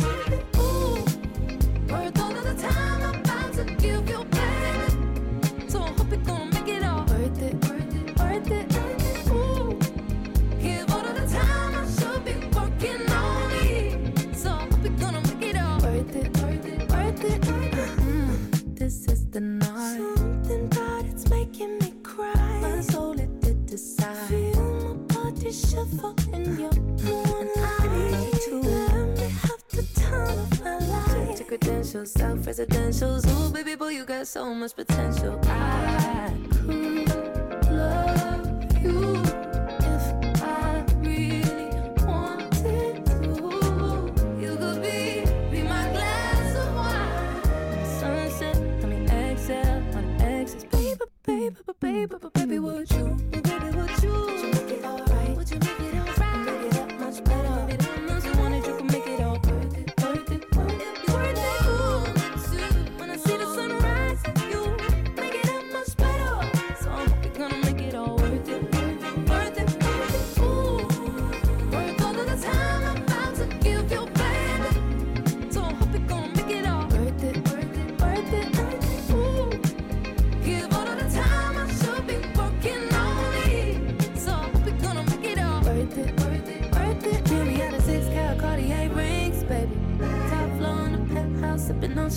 2016, baby. Something like a dream, baby.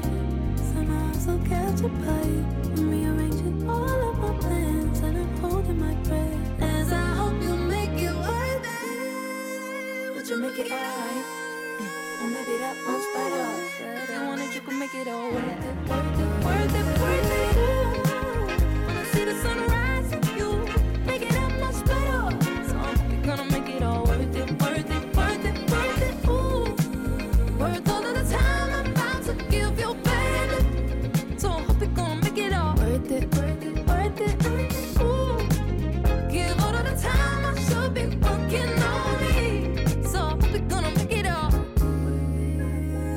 is the night. This is the night.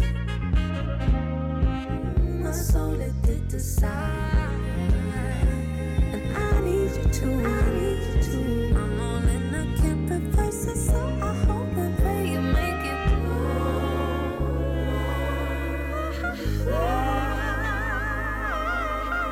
Worth It heitir þetta lag, þetta er voða ljúft og, og hugulegt, en Rafnildur, það stýttist í handbóltan, það er að segja að íslenska landsliði fara að keppi handbólta, það verður á föstu daginn klukkan 5 í miðjum síðdegisútastætti. Já, æj, æj, æj, æj. Já, en engar áhyggjur þessu verið lísta sjálfsögðu í beitni hérna á Rástvö og sínt á Rúf, en veistlan er að hefjast í dag. Já, og við erum komin í samband við okkar mann í Þýskalandi, Einar Örn Jónsson, kondun og sæl og blessaður. Komið sælar og blessaður. Hvað segiru, er ekki uh, bara spennan að magnast? Jó, það er ekki laustu það. Við erum núna bara hérna á æfingu hjá íslenska liðinu, þannig að og það finnum maður lyktin af harpiksinu og öllu svona aftur og, og þá veit maður að það er stórmót og, og gleði framöndan. Já, mm. oh. Það er hérna, það er auðvitað, eh, móti verður sett, eða sérst, aðalegurinn er í Dusseldorf í kvöld og er ekki verið að búast við heimsmyndi í áhörundum? Jú, það, það verður heimsmett, það er enginn vafi á því, það er bara spurning eh, hversu mikið slá meti, fyrra meti var á, á HM í Fraklandi fyrir nokkur árið þegar það var spilað fókbóttavelli í Líl, eh, núna verður spilað fókbóttavelli í Dusseldorf og þau búast við 53.000 áhörðum á leikinn, þannig að það er algjör, algjör eh, rústun á, á fyrra meti. Já, en ég meina á svona stórmótu, hvað er eðlilegu fjöldi? Hvað er þess að hallir að taka þegar Íslandingað blái herin er að mæta og, og allir að stiða sig Eins og til dæmis á föstu daginn, hvað er búist við þessu í, í munn hérna? Já, bara í vennlur höll. Já, venjuleg höll. Hvað er venjuleg höll? Og nú erum við í Þýskalandi og þá er venjuleg höll stór. Þessi höll hér í, í München Olympiahalli er 12.000 manns Já. og það er, það er svo gott sem uppsett á, á alla leikina sem eru, eru í, í þessari höll. Uh, flestar hallirnar sem er verið að spila á hér í Þýskalandi eru svona bilinu 8 til 12, 13, 14 þúsund og svo náttúrulega er Kölnarena þar sem að, að milliriðin okkar er, það er 20.000 manna höll og það er svona, þú er eiginlega mjög erfitt að byggja mikið stærri hallir en, en það undir, undir innanús íþróttir. Þannig að þetta er svona eiginlega hámarkið af, af þessum bransa, þessar hallir sem eru hérna í Þýskalandi og sérstaklega í Köln. Já, en ég menna eins og í Danmörku, hvað eru hallir stórar þar? Uh, aftur rosa misjálf sko. bara svona venjuleg félagslega hallir kannski 2500 til 5000 mm. en svo eru stærri hallir líka sem eru svona, meira kannski síningarhallir sem eru bara notaðar í svona stærri viðburði eins og, eins og höllin í Herning þar sem að Ísland hefur spilað og, og, og, og ústættaleikinir hafa verið á, á EM Kalla og Kvanna hún tekur 14.000 í Danmarku, svo er önnur í Köpen sem heitir Royal Arena sem tekur 15.000 Þannig að þetta eru, og þá eru það yfirleitt ekki sko einhverjum svona sérhannaðar íþrótahallir, þetta eru bara stóra síningahallir sem er hægt að nota fjáran. Já, einmitt. En einar sko í Þýskalandi, það er, við kannski gerum okkur ekki alveg grein fyrir því hversu gríðarlega bara handbólti er vinsall í Þýskalandi? Já, við erum bara bísna lengi. Náttúrulega, kannski eins og er, er viðast annars, það, það seflast þetta aðeins og oft eftir gengi landsliðsins og þegar að Þíska landsliðinu gengur vel eða þegar það eru mót hér í Þískalandi að þá fer allt á, á annan endan og það eru dinglandi hér fánar af öllum sölum og, og á rúðunum á, á bílum. En handbólti hefur nokkuð, nokkuð sterkan sest líka bara í svona þískri, þískri þjóðasál. Þetta er búin að vera mjög, mjög stór í aðdunum manna íþrótt hérna í marga, marga áratvíi og, og á svona bísna djúpa rætur í, í þískri íþróttasál sem er náttúrulega mjög fótbólta læð að öðru leti. Fótbóltunum 1, 2, 3 og 4 og svo koma þessar hinnar íþrótti þar aftan mjög stóra þennan. Já, þú varst á, hérna, eða ert semst í höllinni og varst svona að taka þess e, strákarantali sem við sjáum mæntalega í íþróttufréttum í dag, e, en hvernig líst þér á það? Er allir, er allir heilir? Allir heilir, það er allir átján núna á æfingu. E, það hafa svo sem ekki verið neinn meðslinn eitt að koma upp. Kristján Kristjánsson er svona aðeins að jafna sig af, af sínum meðslum en er klár. Óðin Þór Ríkarsson var veikur í setna æfingarleiknum á móti Östuríkja. Þeir eru báðir núna hér inn á, inn á parkettinu, eða dúknum, að, að æfa núna. Þannig að átján eru, eru klárir í, í slæðin.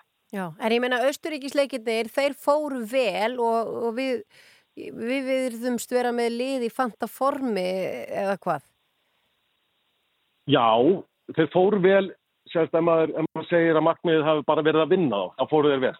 Þannig að markmiðið var að að leikur íslenska liðsins væri orðin eins góður og maður telur að geti orðið, þá er ennþá uh, hægt að bæta margt. Það var margt gott en margt líka sem við vitum að liðið á að geta, geta betur. Mm. Að því sögðu þetta náttúrulega rosa jákvæmt að vinna, vinna Östuríki sem eru að leiðin á EM líka og rúlaði upp sínum, sínum riðli í undankjæfninni. að vinna þá tvísa nokkuð öruglega og segja samt, ah, heyrðu, við hefum nú getað gert aðeins betur. Það er mjög, mjög jákvæmt og íslenska lið er bara á, á góðri leið. Já. En sko að því vorum að tala bara rétt í lokin einar, það er sagt, þessi opnuleiku klukka 19.20 er í beinu útsettingu á Rúf 2 en það er leiku núna e, millir Fraklands og Norðum Magadjóni og maður hugsaði sko frakkar stórþjóð en þetta er ekkit ekkur opnuleikur, þetta er bara svona auka opnuleikur eða hvað? Já, já, þetta er bara uppbytunarleikur og ég held að þjóðverjum leiðist ekkert, ekkert mikið að, að láta sína, sína eilífu fjendur frá Fraklandi hita þess upp fyrir því. Ég held að það, það held ég að kýtli alveg svona þýska, þýska egoðu pínu. Já. En hva, hvað er alltaf þú að horfa leikin e, í kvöld?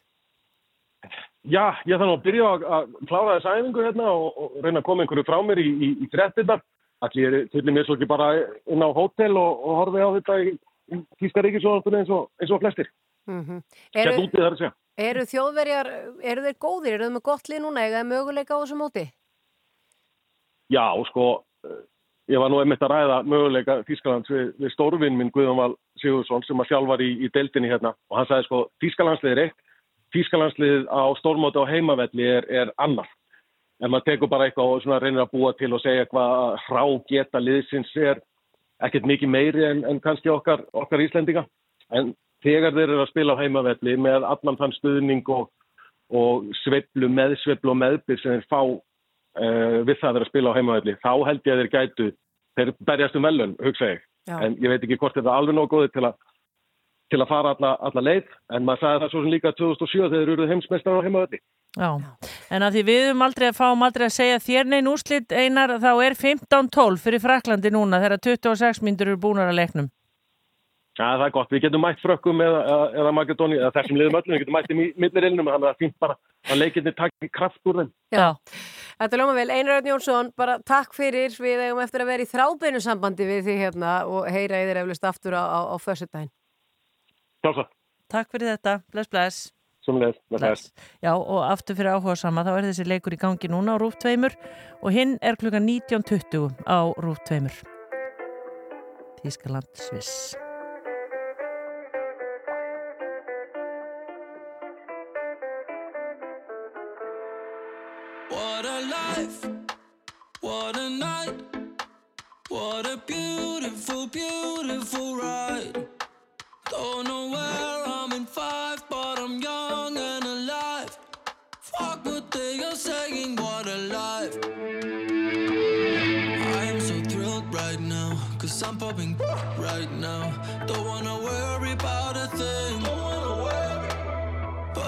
Terrified to be on the other side. How long before I go insane?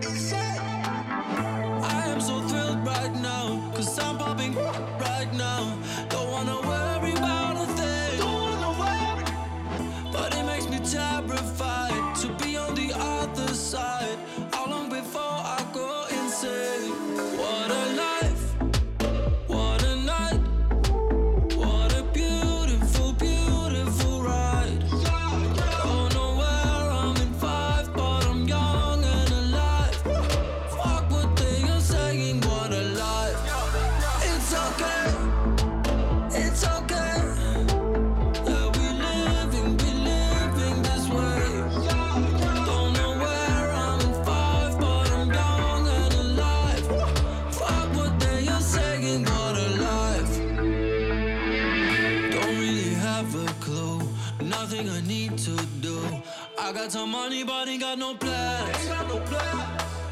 It's making me paranoid to float like an asteroid. How long before I go insane?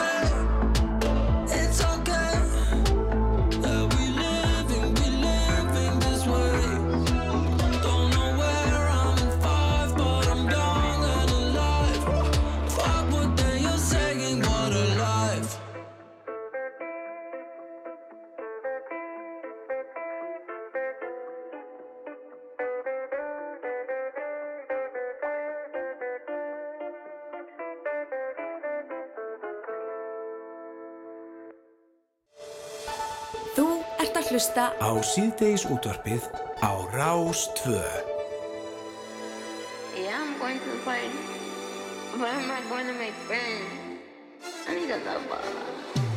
Everybody's looking for somebody, for somebody to take home. I'm not the exception, I'm a blessing of a body to love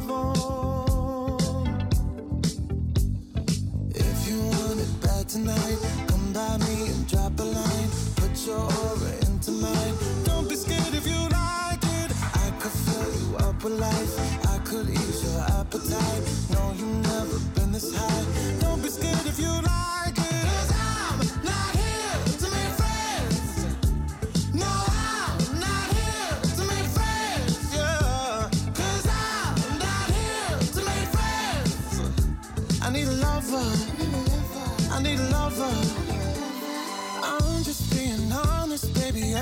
Need a partner when the lights come on. Yeah, yeah. 30 almost got me, and I'm so over love song. Yeah. So if you want it bad tonight, come by me and drop a line. No, you've never been this high.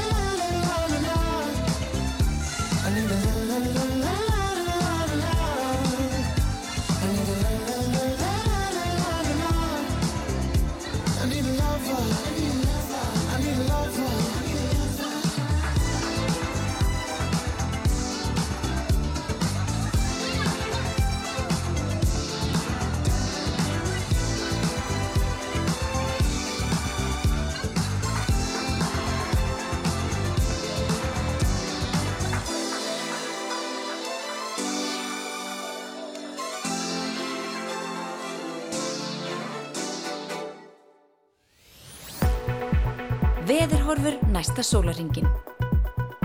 Jæja, Guðrún Dís, Emilsdóttir, þetta er nú búið að vera daldi sérstök tíð uh, undarfarið, það er þetta kuldakast uh, svona fyrir jólin og yfir jól og áramót og bara kallt á öllu landinu. Mhm.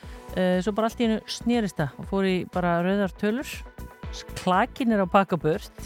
Það er hendar ágætismál, það voru fjölmörg beinbrot og þetta var erfitt við að eiga á tímanbili. Algjörlega, allir mjög glaðið með það. En svo þegar að byrja að blása, þá blés svo mikið að það er ekki að ofna gluggan sinni. Nei, einmitt. Það er nú- millivegur. Nei, aldrei neitt millivegur. En uh, spáin er svona, já, það, það breytist í rauninni ekki fyrir svona undir helgi. Það er búist við sunnan og suðaustanátt, 8-15 metrum á sekundu, það verður hægari austan til. Það er bjartviðri á norður og austurlandi en smá skúri sunnan og vestalans og, og sunnan 10-18 á morgun, kvassast á norðvesturlandi og svo fer að rigna fyrst vestalans en þurft á austurlandi hitti 2-8 stig.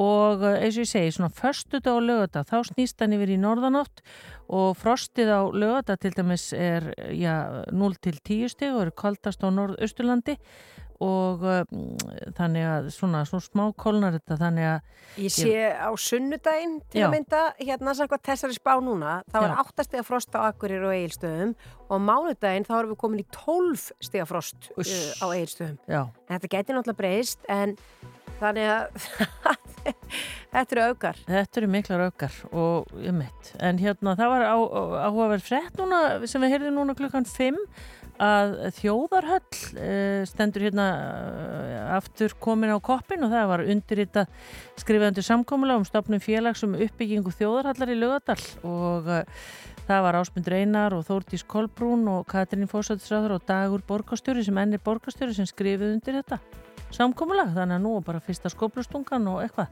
Hvað ætla þetta að vera í stórhöll? Því vorum að tala um stærðir á, á höllum hérna meðan einar er drétt á þann. Ég nú, þannig að verða allavega ekki að vera með 53.000 áhörundur eins og verði kvöld. Nei. En uh, þetta allavega verður hérna stendur í þessari frétt langþrá byltingi aðstöðu barna og úlinga til æfinga og keppni í lögadal sem og fyrir þrótt og ármann og þetta er aðstæða byltingi aðstöðu landsliða, keppni í handbólta og körfubólta og mörgu fleiru og uh, það er búið að býða mjög lengi eftir þessum og þetta er sem sagt e, frá borgarlínu stöðið Suðlandsbraut og ofan í dal, þetta er sem sagt fyrir ofan e, núverandi lögatarsöll Mhm. og e, þar sem túnið er núna bara fyrir neðan Suðlandsbrautina svo ég, ef ég er að horfa hérna eitthvað kort, ef ég get eitthvað líst Já, já. þessu þar verður þetta. Já, og allir, ég meina, hann var að tala um að stórar hallir eða svona hallir varu kannski 8-12 væri algengt í, í Fískarandi, þannig kannski kannski við 5 til 8 Já, það geti verið Skjóta Já, skjótum á það Já.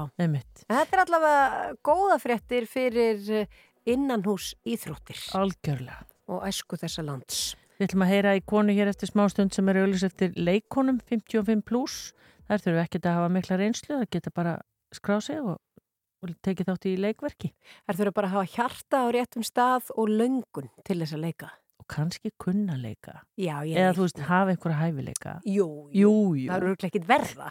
Ha. Hér er Ásker og Árni Margret, uh, lag sem heitir Part of Me.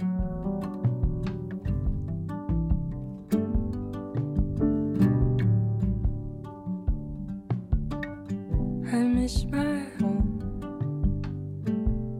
All the things I know, the way I talk favorite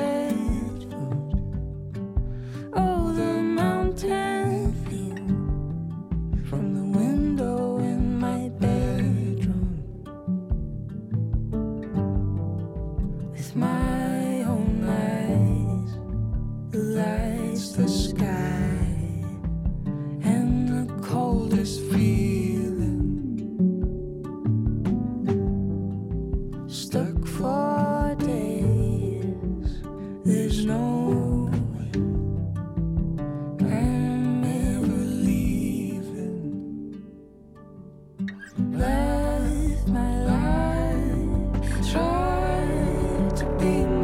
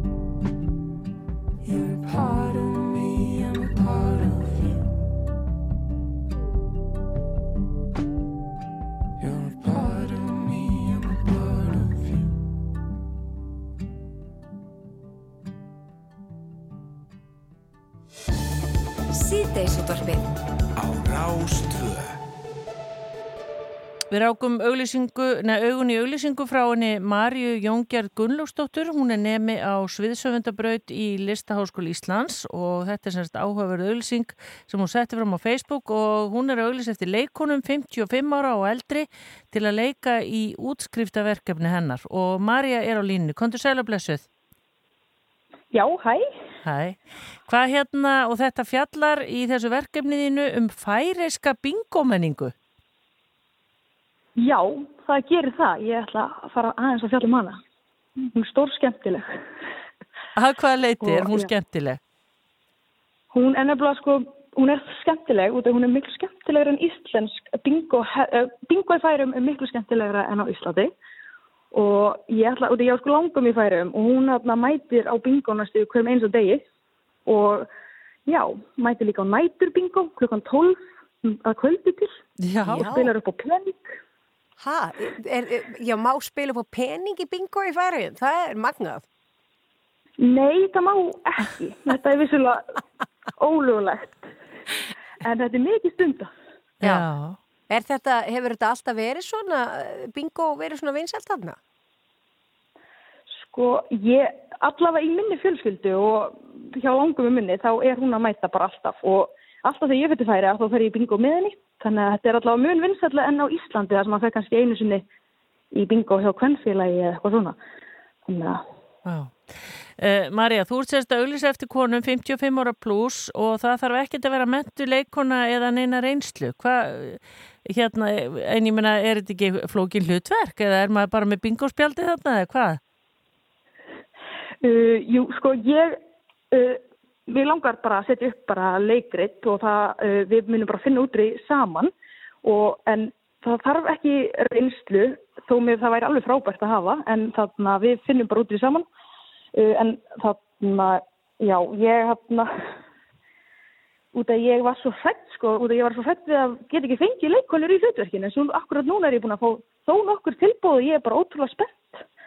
Þannig að ég held að ég get alveg verið að búast við bara mjög sniðum konum sem eru að fara að koma til að hjálpa mér. Já, en þú ætlar ekki, þú getur ekki borgað, ertu þá bara að hugsa það sé bara einhver sem að, já, hefur bara nægan tíma og langar bara að gera þetta og hefur kannski alltaf dreymt um að standa á sviði? Já, ég held það. Ég er allavega að vonast þessi því að ef einhver kannski eitthvað svona draum að hafa einmitt, að hafa langar að standa á svið að kýla á þetta eða bara hress og langar að fá okkar skemmtilegt að gera sko. Þá, held, þá er ég að vonast þessi því sko. Já. Og hvernig, hvenær verður þetta sínt eða, eða bara svona það er einhver áhuga samur að hlusta og er að hugsa hvort þetta geti verið eitthvað sem að hendar inn í, uh, já, hennar dagbók? Já, þetta verður sko, það verður sínt í svona lok mars. Ég bara, var bara að kanna fyrir mér eh, hvort ég get fengið fólk í þetta núna og við erum að fara, þetta, ég er ekki alveg byrjuð í þessu ferli, en þetta væri sínt svona um kringum 21. mars til 27. held ég. Já, og hvar sko. og hvar verður þetta sínt? Um, um LHI í lauganissi.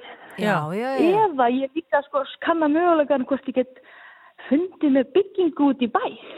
Já. Til þess að gera þetta svona site specific smá. Já. En er, ég meina, mun einhver í síningunni leika langamöðina? Ég, ég er sko akkurat núna er hugmyndin að þær væri svona, það, þetta væri allt uh, bara mismöndi gamla konur. Það var enginn sem væri akkurat langama mín. Nei. Það, uh, það væri svona svolítið svona margar svipaðar konur, að, já, enginn akkurat langama mín. Nei. Já, akkurat. Já. Marja, hvert á hérna, eiga áhuga samar konur að hafa samband? Heyri, það er mig að bara endilega senda mér annarkvært tölvupúst í tölvupúst fangið mitt sem er Marja Jóngjörd 21 LHI.is eða í senda mér skilabóð eða hringja í mig í síma 659 7004 Já. það væri bara frábært. Nú svo er kannski þetta að senda þér skilabóð á Facebook? Jú, og Facebook náttúrulega klikkar aldrei. Nei. Facebook er alveg frábært. Þá segjum við bara gangið vel, Marja Jóngerð Gunnlaugsdóttir nemi á sviðslista, sviðshöfundabraut. Þú ert semst að auglýsa eftir 55 ára konum sem eru til í að leika í leikritin sem fjallar um færiska bingomenningu. Vá. Wow. Já, algjörlega, bara endilega ef það hefði einhver áhuga eða spurningar, heyrið í mér. Já. Það væri frábært. Já. Það er gott mál, bara gangi er ofsalega vel. Hlökkum til að fylgjast Já, með þessu.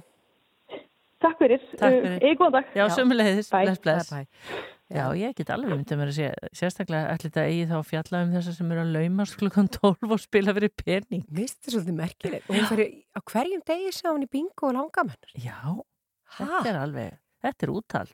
Svona ætla ég að verða þegar ég vil langama. Já, það. Við verðum Hvar búin- er amma? Nú, hún er í bingo. og við verðum búin að stopna svona klúb þarna rafnildur og förum á miðnætti. Já, við meðum alltaf alls ekki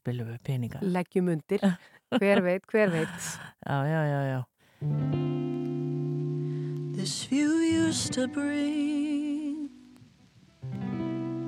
a smile to my face. Lately, it's done nothing but remind me of the way, the way that you used to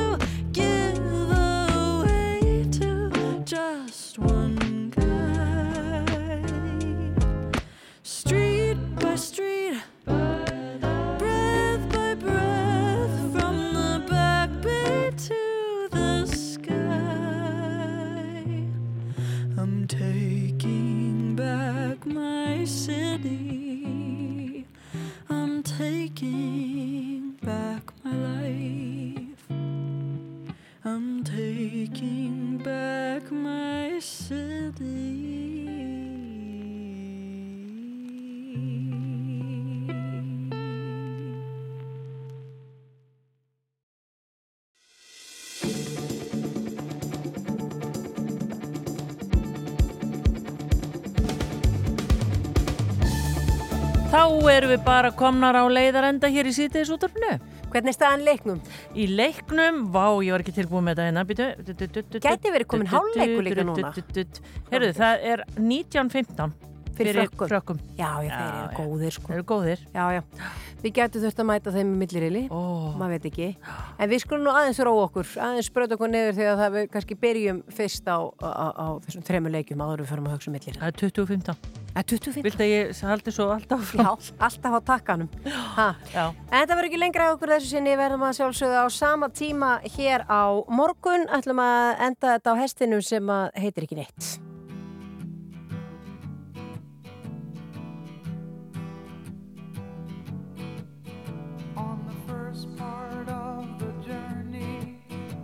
was looking at all the life. There were plants and birds and rocks and things. There was sand and